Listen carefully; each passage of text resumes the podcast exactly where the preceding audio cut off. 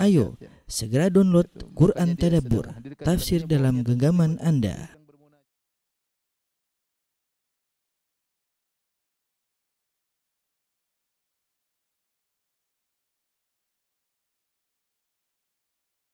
Uh, kita tahu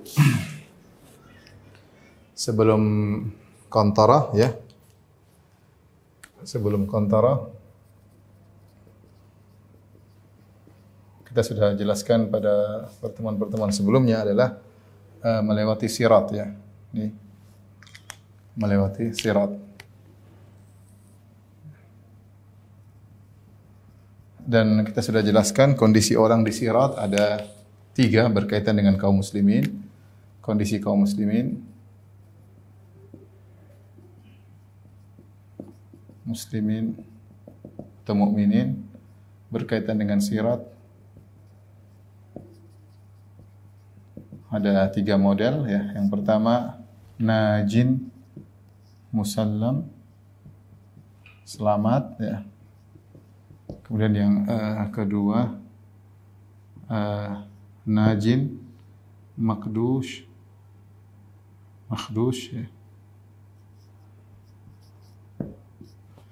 Uh, selamat tapi terluka terluka-luka atau tercabik-cabik Kemudian makdus. Makdus yaitu terjungkal di terjungkal dalam neraka. Dalam neraka. Baik. Uh, kita setelah jelaskan bahwasanya di bawah sirat adalah di sinilah api neraka ya, api neraka. Setelah itu ada suatu uh, jembatan di sini ya boleh kita. Jembatan di sini setelah sirat ya. Ya. Yang disebut dengan kontara. Uh, kontara. Yang akan dikumpulkan di sini adalah dua yang selamat, ya, selamat ini. Ini semua akan dikumpulkan di kontara, ya. Uh, adapun hadis tentang kontara dari hadis Abu Sa'id Al-Khudri radhiyallahu taala anhu Nabi sallallahu alaihi wasallam uh, uh, bersabda ya yakhlusul mu'minun minan nar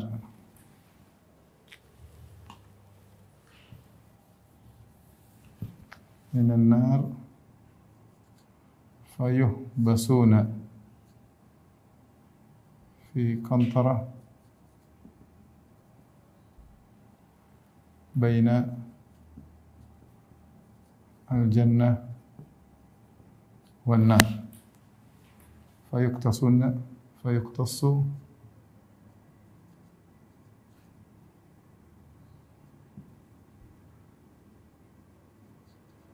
لبعض من بعض. حتى إذا هذبوا ونقوا أذن لهم في دخول الجنة.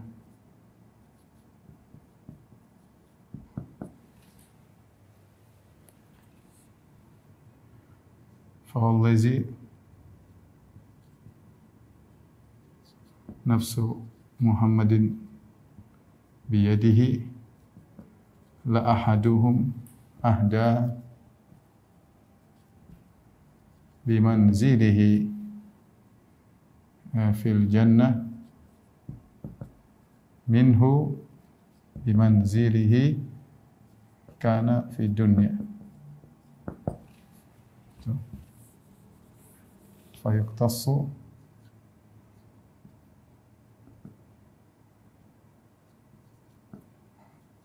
لبعض من بعض مظالم kanat bainahum fid dunya. Tapi saya ini hadis Abu Sa'id Al-Khudri radhiyallahu anhu dalam Sahih Bukhari kata Nabi sallallahu alaihi wasallam yakhlusul mu'minun kaum mukminin selamat dari dari neraka. Yaitu kaum mukminin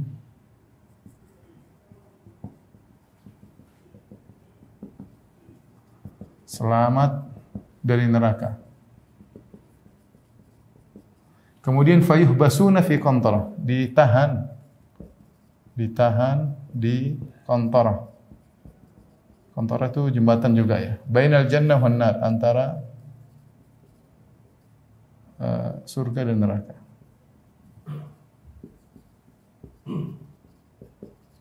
Lalu fayuqtasu li ba'dhin min ba'dhin lalu dikisas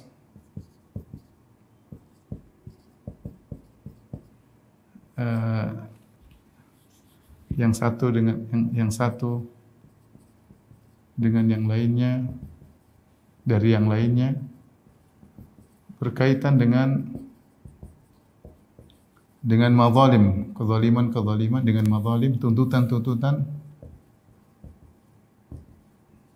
atau hak-hak karena kezaliman di dunia.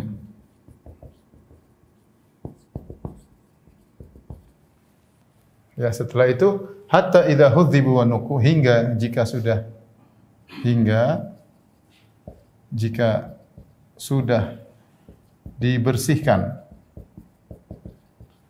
Udhina fi dukhulil jannah diizinkan masuk surga. Masuk surga. Fa walladhi nafsu Muhammad biyadi demi Allah demi zat yang jiwa Muhammad di tangannya atau nyawa Muhammad di tangannya.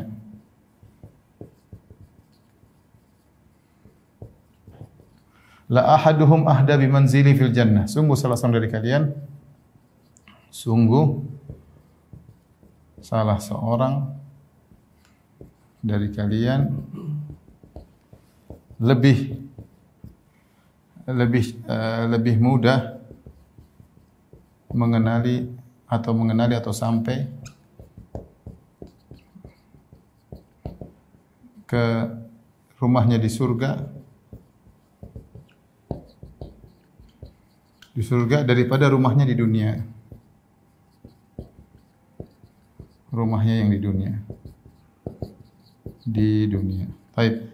Ini hadis yang berkaitan dengan uh, kaum Torah. Saya ulangi, Nabi mengatakan uh, yakhlusul mu'minuna minan nar, kaum mukminin selamat dari neraka. Siapa kaum mukminin tadi sudah kita sebutkan? Yang najin musallam wa najin makhdus yang selamat ataupun yang selamat tapi terluka-luka. Selamat dari neraka jahanam. Lalu mereka fayuh basuna fi qantaratin bainal jannah Kemudian ditahan di suatu kontarah ya. Antara surga dan neraka. Kemudian setelah itu dikisos. Dari yang lain ya dari madzalim.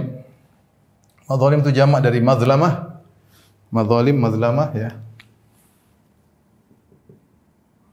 Jamak dari madlamah. Madlamah itu maksudnya yang seorang menuntut dari orang yang mendolimah, tuntutan yang dituntut dari orang yang mendoliminya.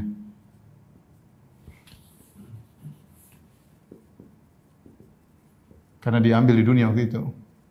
Makanya dia tuntut haknya, yaitu hak-hak. Kemudian uh, setelah itu setelah dikisos hatta idza hudzibu wa setelah mereka dibersihkan maka diizinkan masuk dalam surga. Kemudian kata Nabi sungguh demi zat yang jiwa Muhammad di, tangan, di tangannya salah seorang dari kalian ketika masuk surga dia lebih mudah menuju ke rumahnya di surga daripada rumahnya tatkala di dunia. Inilah hadis yang berkaitan dengan uh, kontorah. Kontorah secara bahasa ya. Secara bahasa sama mirip seperti jembatan secara bahasa sebagaimana disebutkan oleh Ibnu Tin yaitu uh, suatu yang ditaruh di atas mata air atau suatu di atas lembah. Seperti jembatan ada yang mengatakan yaitu suatu yang merangkaikan antara dua tempat ya. Istilahnya secara bahasa sama dengan mirip mirip dengan jisr yaitu jembatan. Karena maknanya juga jembatan maka khilaf di kalangan para ulama. Kontor ini sebenarnya apa? Ada khilaf. Hakikat kontor ada khilaf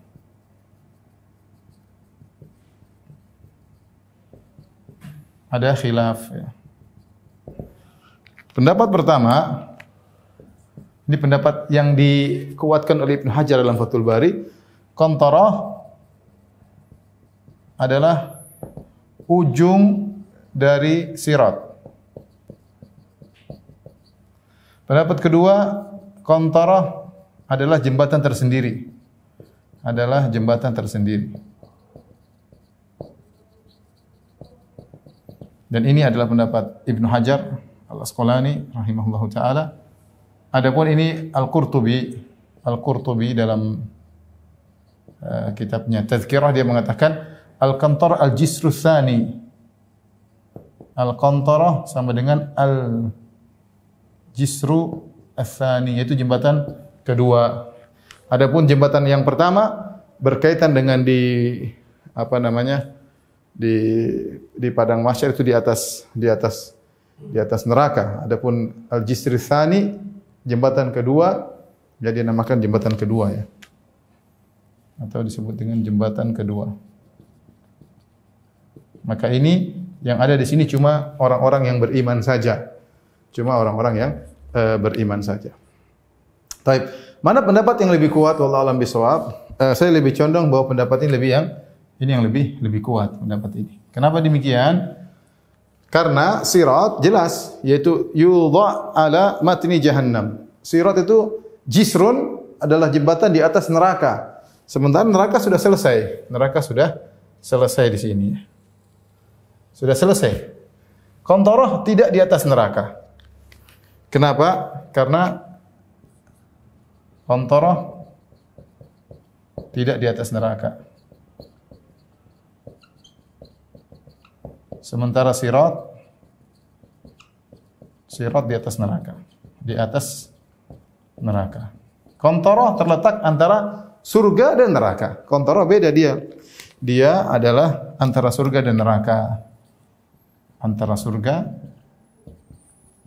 surga dan neraka. Entah di mana lokasinya tapi dia setelah sirat. Setelah neraka yaitu terletak setelah sirat.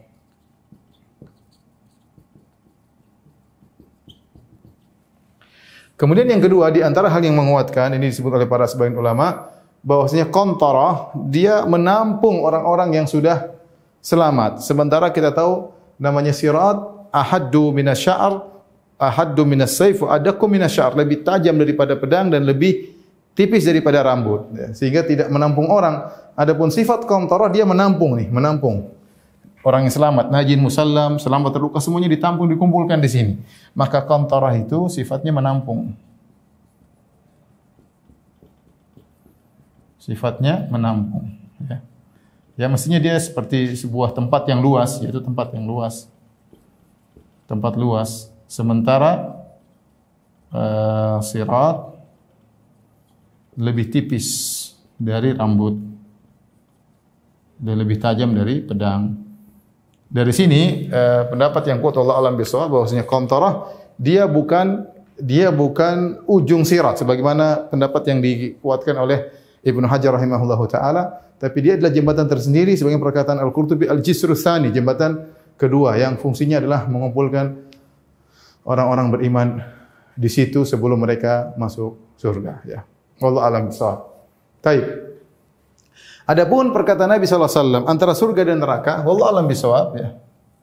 Ini posisinya bagaimana? Yang jelas dia posisinya antara surga dan neraka bisa jadi seperti di sini, di sini surga, sini neraka, bisa jadi. Jelas ini ini kan setelah ini surga, sebelah sini neraka ya. Jadi antara sirat dengan uh, surga. Ada suatu jembatan yang merupakan perantara surga dan neraka. Kalau lihat lahirnya demikian. Tapi persisnya kita tidak uh, tidak tahu ya. Kemudian uh,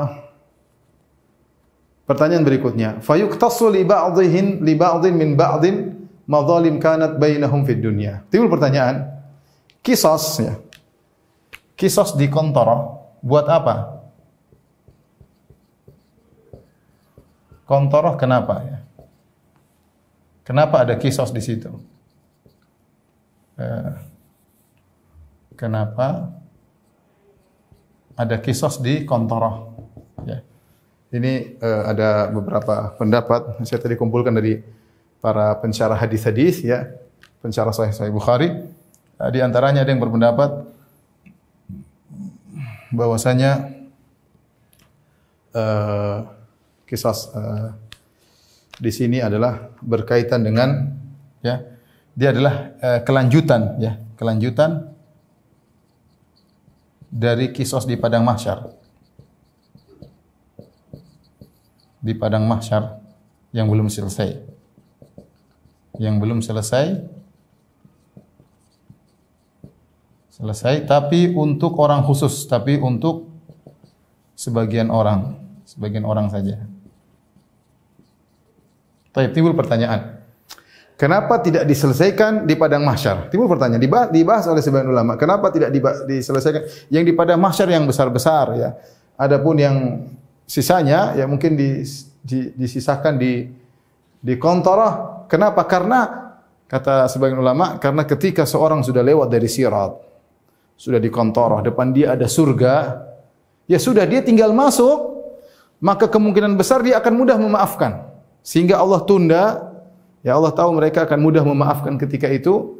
Ya, kalaupun dipermasalahkan ringan, yang penting sudahlah cepat selesai, yang penting segera masuk surga. Ini pendapat sebagian ulama karena mereka sudah lega, sudah lewat dari uh, sirat, tinggal masuk surga sehingga kondisi kaum mukminin ketika itu mudah untuk memaafkan. Ya.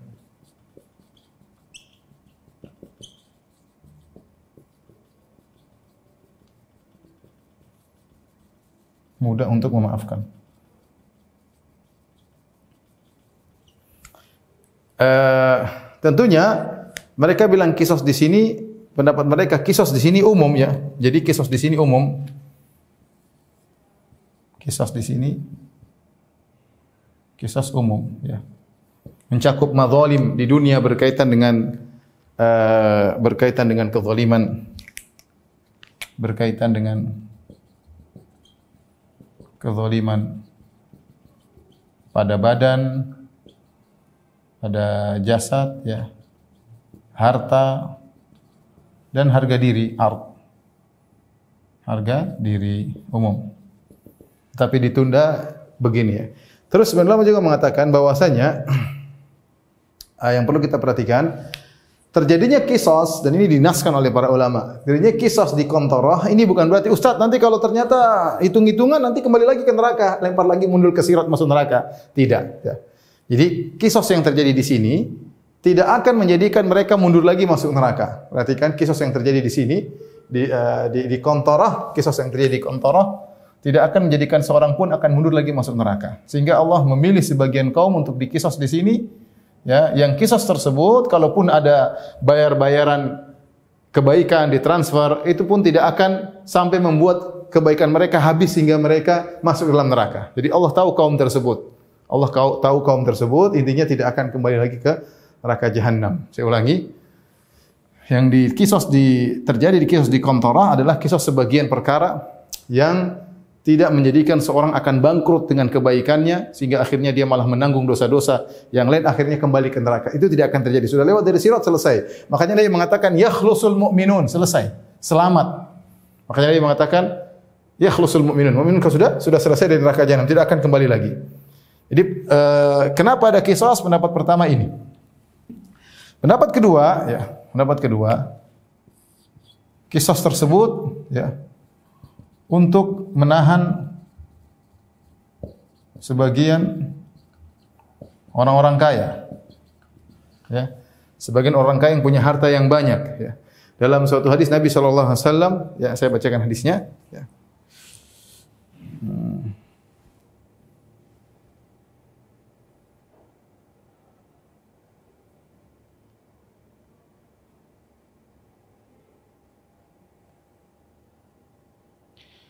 Eh, kata Nabi wasallam dalam Sahih Bukhari, "Kumtu ala babil jannah." Aku berdiri di uh, pintu surga.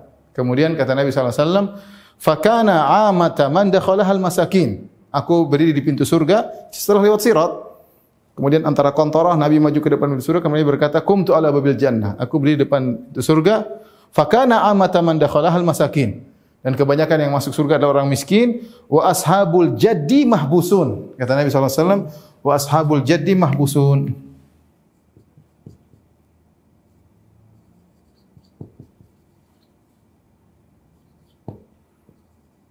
Mahbusun. Kata Nabi SAW. Dan orang-orang pemilik harta tertahan. Para pemilik harta tertahan.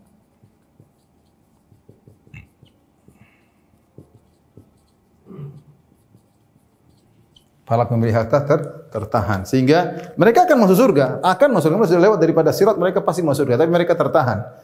Uh, sehingga uh, kita dapati bahwasanya kenapa mereka tertahan karena harta mereka mungkin banyak sehingga mereka tidak menunaikan hak-hak orang-orang miskin. Karena seorang kalau semakin memiliki harta banyak, hak orang miskin semakin banyak dari dia.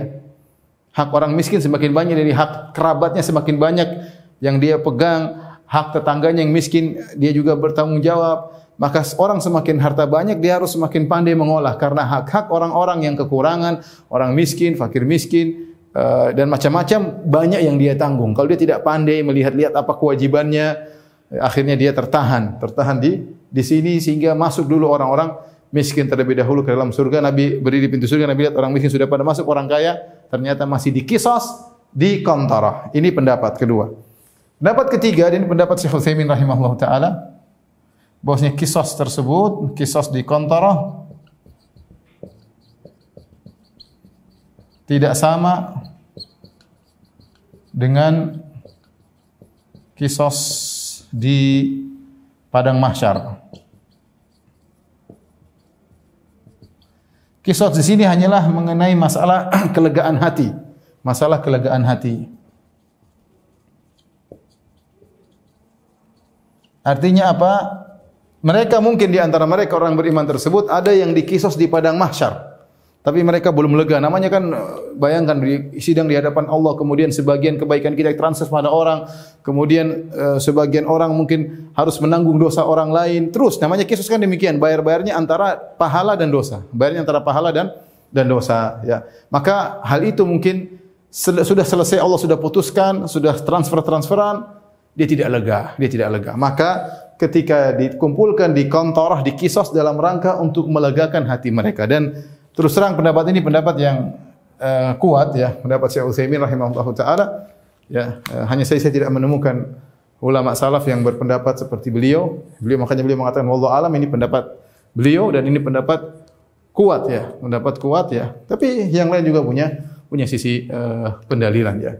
Ya. Jadi uh, karena orang-orang masuk surga, orang-orang masuk surga kalau sudah dikontor ingin masuk surga, mereka harus bersih. Makanya Nabi SAW mengatakan hatta idza hudzibu wa. Kata Nabi hatta idza hudzibu wa. Sehingga jika sudah dibersihkan. Hudzibu sama hudzibu wa nuqu ini kata Al-Jauhari maknanya sama. Jika dibersihkan. Dibersihkan dari apa? Ada yang mengatakan dibersihkan dari dosa-dosa berdasarkan pendapat ini, ya. Adapun pendapat Syekh Utsaimin dibersihkan apa? Dibersihkan dari penyakit-penyakit hati. Dibersihkan dari penyakit-penyakit hati, ya. Situlah wa naza'na ma fi sudurihim min ghillin. Oleh karenanya dalam sebagian riwayat didahului dengan firman Allah Subhanahu wa taala wa naza'na ma fi sudurihim min ghillin. Ini yang menguatkan pendapat Syekh Utsaimin rahimahullahu taala. Coba saya carikan hadisnya ya.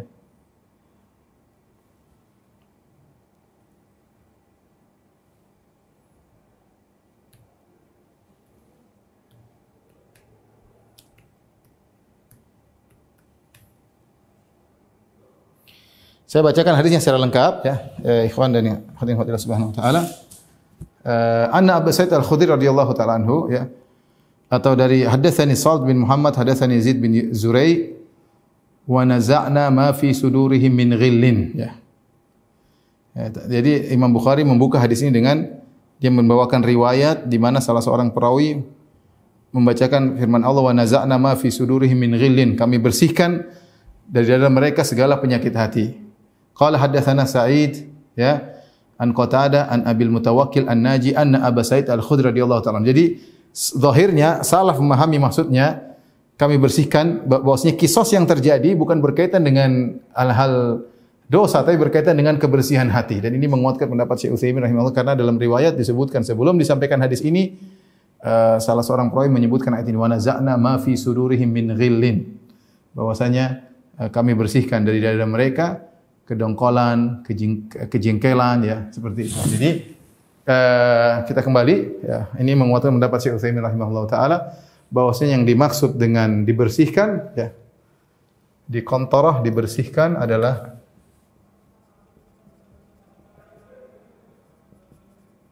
adalah penyakit-penyakit hati.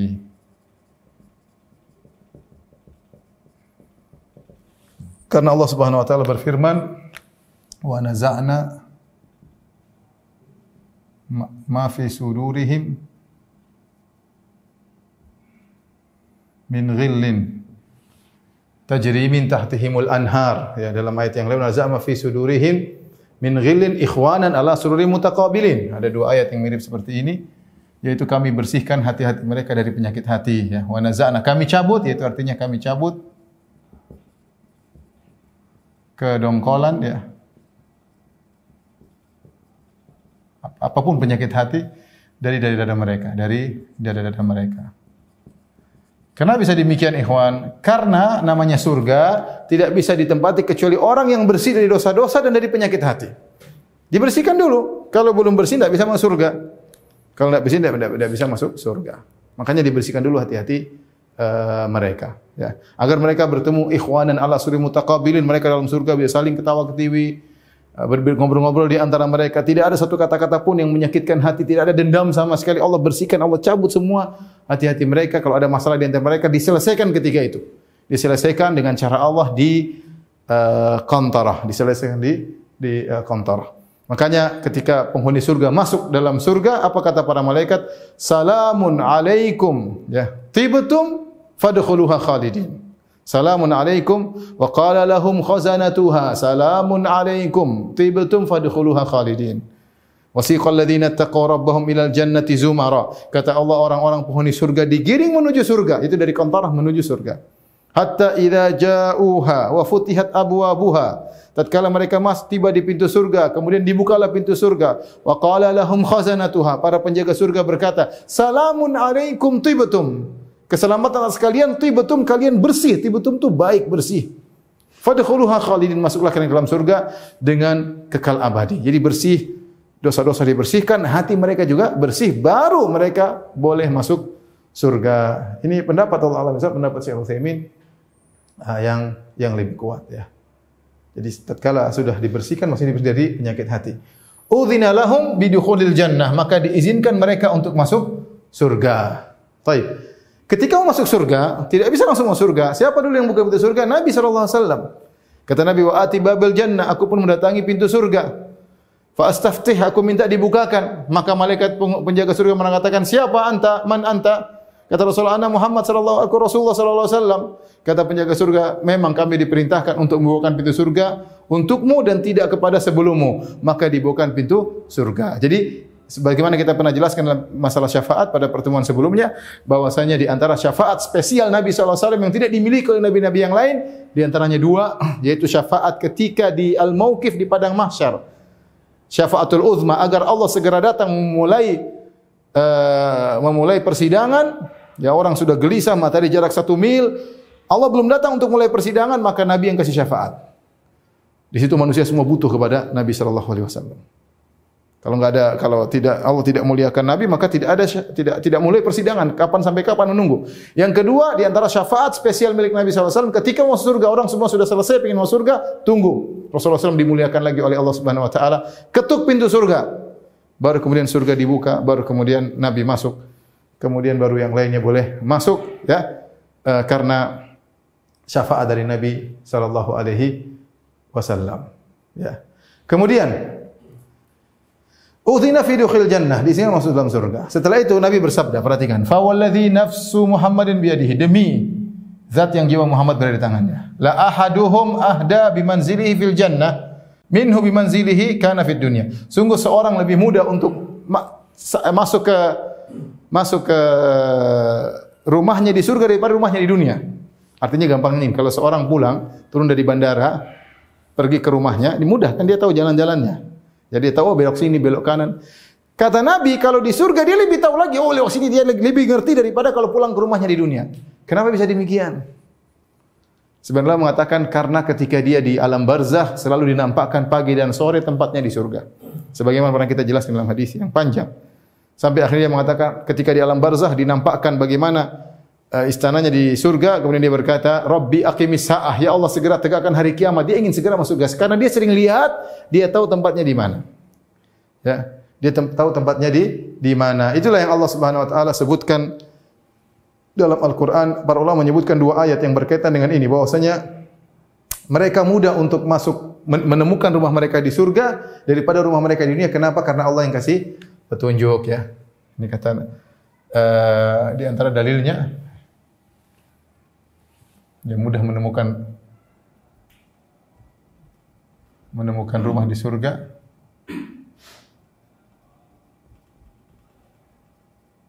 Allah Subhanahu wa taala di antara dalilnya uh, yahdihim rabbuhum bi imanihim Innal ladzina amanu wa amilus solihat Innal ladzina amanu wa amilus solihat yahdihim rabbuhum bi imanihim tajri min tahtihimul anhar kata Allah Subhanahu wa taala Sungguhnya orang-orang yang beriman dan beramal soleh, yahdihim rabbuhum bi imanihim. Maka Allah akan beri petunjuk kepada mereka dengan iman mereka di surga. Tajri min tahtihimul anhar.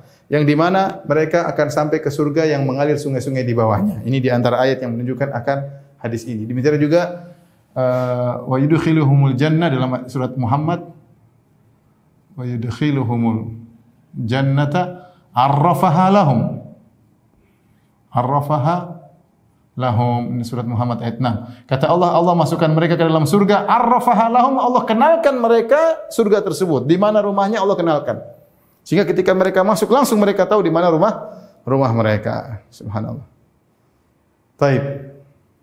Ketika mereka masuk ke dalam surga. Ya, tadi setelah Nabi SAW memberi syafaat, kemudian uh, mereka masuk ke dalam surga maka Nabi wasallam berkata la yadkhul dalam sahih Bukhari adalah hadis Abu Hurairah radhiyallahu anhu Rasulullah SAW bersabda la yadkhulu ahadunil jannata illa uriya maq'aduhu minan nar law asaa dia yazdada syukran. Tidaklah ada seorang masuk surga kecuali dinampakkan bagi dia kaplingnya di neraka. Seandainya di dunia dia berbuat keburukan, dia akan masuk di kaplingnya di neraka tersebut. Buat apa? Dia yazdada syukran akan dia semakin bersyukur. Allah ketika sebelum masuk surga, belum masuk rumahnya di istana surga, tuh Allah perlihatkan tuh atau malaikat perlihatkan pokoknya diperlihatkan tuh tempatmu di neraka. Dia lihat bagaimana ngerinya tempatnya di neraka, bagaimana azab yang akan menimpanya, bagaimana diperlihatkan. Kalau kau dulu di dunia buruk, tempatmu di situ bukan di sini. Tempatmu di situ bukan di sini. Buat apa? Lias dada syukron agar dia semakin bersyukur ya Allah, bersyukur. Nikmat yang Allah berikan kepada dia. Setelah dia melewat sirat, lihat neraka, selamat, bersyukur. Ya, kemudian setelah mau masuk surga diperlihatkan tempatmu dulu di sana kalau kau ternyata buruk, maka dia tambah bersyukur. Kemudian juga kata Nabi, "Wala yadkhulun ahadun illa uriya maq'aduhu minal jannah law ahsana liyakuna alaihi hasrah." Dan tidaklah seorang pun masuk neraka kecuali sebelum masuk neraka diperlihatkan tempatnya di surga. Tuh tempatmu di surga, istana indah, mungkin ada isinya bidadari yang lainnya. Seandainya kau di dunia berbuat kebaikan, sabar, menahan hawa nafsumu, tidak asal melampiaskan apa yang ada di hatimu, kau bisa menundukkan pandanganmu, kau bisa menjaga kemaluanmu, kau bisa menunaikan hak-hak hakmu dan kewajiban kewajibanmu dan seterusnya. Kalau kau bisa menahan diri dulu, kau akan mendapatkan istana di surga. Ketika dia lihat sebelum masuk neraka itu harusnya dia dapatkan, maka dia semakin menderita kata Nabi, liyakuna alaihi hasrah agar dia semakin menyesal. Hasrah menyesal. Ya Allah, kenapa saya dulu bermaksiat di neraka di dunia? Coba kalau saya dulu begini-begini, penyesalan. Penyesalan. Ya. Kemudian ketika penghuni surga, penghuni neraka sudah masuk di tempatnya masing-masing dan tentu yang pertama masuk adalah umat Muhammad sallallahu alaihi wasallam dalam surga ya. Ketika semua sudah menempati tempatnya dari hadis Ibnu Umar radhiyallahu taala anhuma apa kata Rasulullah sallallahu alaihi wasallam? Sara ahlul jannati ilal jannah. Kalau penghuni surga sudah sampai kepada surga wa ahlun nari ilan nar. Penghuni neraka sudah menempati kaplingnya masing-masing. Ji'a bil mauti maka dihadirkanlah kematian hatta yuja'ala bainal jannati wan nar. Kemudian kematian tersebut dihadirkan di antara surga dan neraka. Artinya penghuni surga bisa lihat, penghuni neraka bisa lihat. Bagaimana caranya? Allah alam bisawab. Mudah. Zaman sekarang aja kita bisa visual, kita bisa berzooman. Zaman di sana nanti gimana Allah alam kita nggak tahu alam akhirat seperti apa. Artinya didatangkan kematian tersebut. Dalam sebagian riwayat datang dalam bentuk hayat kabsh, yaitu dalam bentuk uh, domba. Dihadirkan kematian tersebut dalam bentuk domba. Jadi ini adalah Allah Subhanahu sangat mampu menjadikan suatu yang abstrak menjadi konkret apalagi memang asalnya dia konkret kematian ya konkret atau abstrak ada pembahasan di kalangan para ulama ya. Apa uh, tapi intinya jangankan yang abstrak yang konkret di dalam bentuk konkret yang lain sedangkan yang abstrak saja bisa Allah datangkan dalam bentuk konkret. Seperti amal soleh datang dalam bentuk uh, manusia yang tampan dalam azab uh, dalam alam barzah kemudian juga misalnya uh, Al-Quran datang dalam bentuk gomamatan, awan, ya datang, sedekah datang dalam bentuk uh, yang menaungi seorang pada hari kiamat kelak, amal soleh ditimbang dalam bentuk sesuatu yang bisa ditimbang, itu urusan Allah Subhanahu Wa Taala. Intinya kematian didatangkan dalam bentuk domba, hatta yuja'ala baina al-jannah wan. Kemudian letakkan antara surga dan neraka. Yuthbah, kemudian disembelih. Dalam riwayat disebutkan apa kalian mengetahuinya? Semua orang mengetahuinya.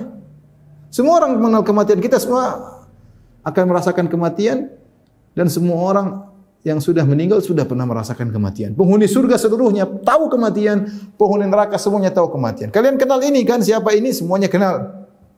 Kemudian disembelih. Thumma yunada mun thumma yunadi munadin. Kemudian ada yang penyeru berseru ketika itu malaikat atau yang lainnya. Kemudian ada seruan ya ahlal jannati la maut. Wahai penghuni surga tidak ada kematian ketika mendengar tidak ada kematian penghuni surga sangat gembira luar biasa. Sangat gembira luar biasa. Tidak ada kegembiraan seperti itu. Ya. ya, sangat gembira. Kenapa mereka tahu kenikmatan mereka abadi, tidak ada kematian. Ya. La yabghuna anha hiwala. Mereka tidak mau berubah di atas kenikmatan tidak ingin dipindahkan. Ini sudah kenikmatan luar biasa. Ketika mereka tahu kematian berarti mereka akan abadi. Kita di dunia mau kita mau kaya raya, mau rumah banyak, mau mobil banyak, mau banyak tetap aja masih khawatir makin tua, semakin tua, semakin peot, semakin keriput, semakin menuju kematian. Adapun sudah di surga, kematian disembelih, selesai. Betapa bahagianya penghuni surga ketika itu. Kemudian dikatakan juga kepada penghuni neraka, "Wa ya ahlan nari la maut." Wahai penghuni neraka jahanam, la maut tidak ada kematian bagi kalian fayazdadu ahlul jannati farahan ila farahihim. Maka ketika dikatakan tidak ada kematian lagi penghuni surga semakin bertambah tambah kebahagiaan mereka. Wa ahlin nari huznan ila huznihim. Maka penghuni neraka semakin sedih yang bertambah-tambah kesedihannya. Wa anzirhum yaumal hasrati id qudiyal amru wa hum fi ghaflatin wa hum la yu'minun. Di antaranya tafsiran ayat ini wa anzirhum berilah peringatan kepada mereka yaumal hasrah hari penyesalan. Itu ketika kematian disembelih di antara penghuni surga, penghuni neraka, penghuni neraka menyesal luar biasa. Sebelum kematian disembelih, mereka masuk neraka, terutama orang kafir, mereka masih berharap ada suatu saat mereka akan dikeluarkan. Mereka masih berharap rahmat Allah Subhanahu wa taala.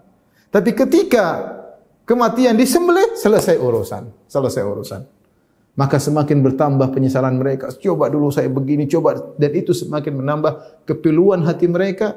Mereka selain disiksa dari sisi fisik, mereka juga disiksa dari sisi kepiluan hati seperti ketika mereka melihat uh, kematian disembelih uh, di hadapan di hadapan mereka sehingga mereka akan kekal abadi disiksa dalam neraka uh, jahanam.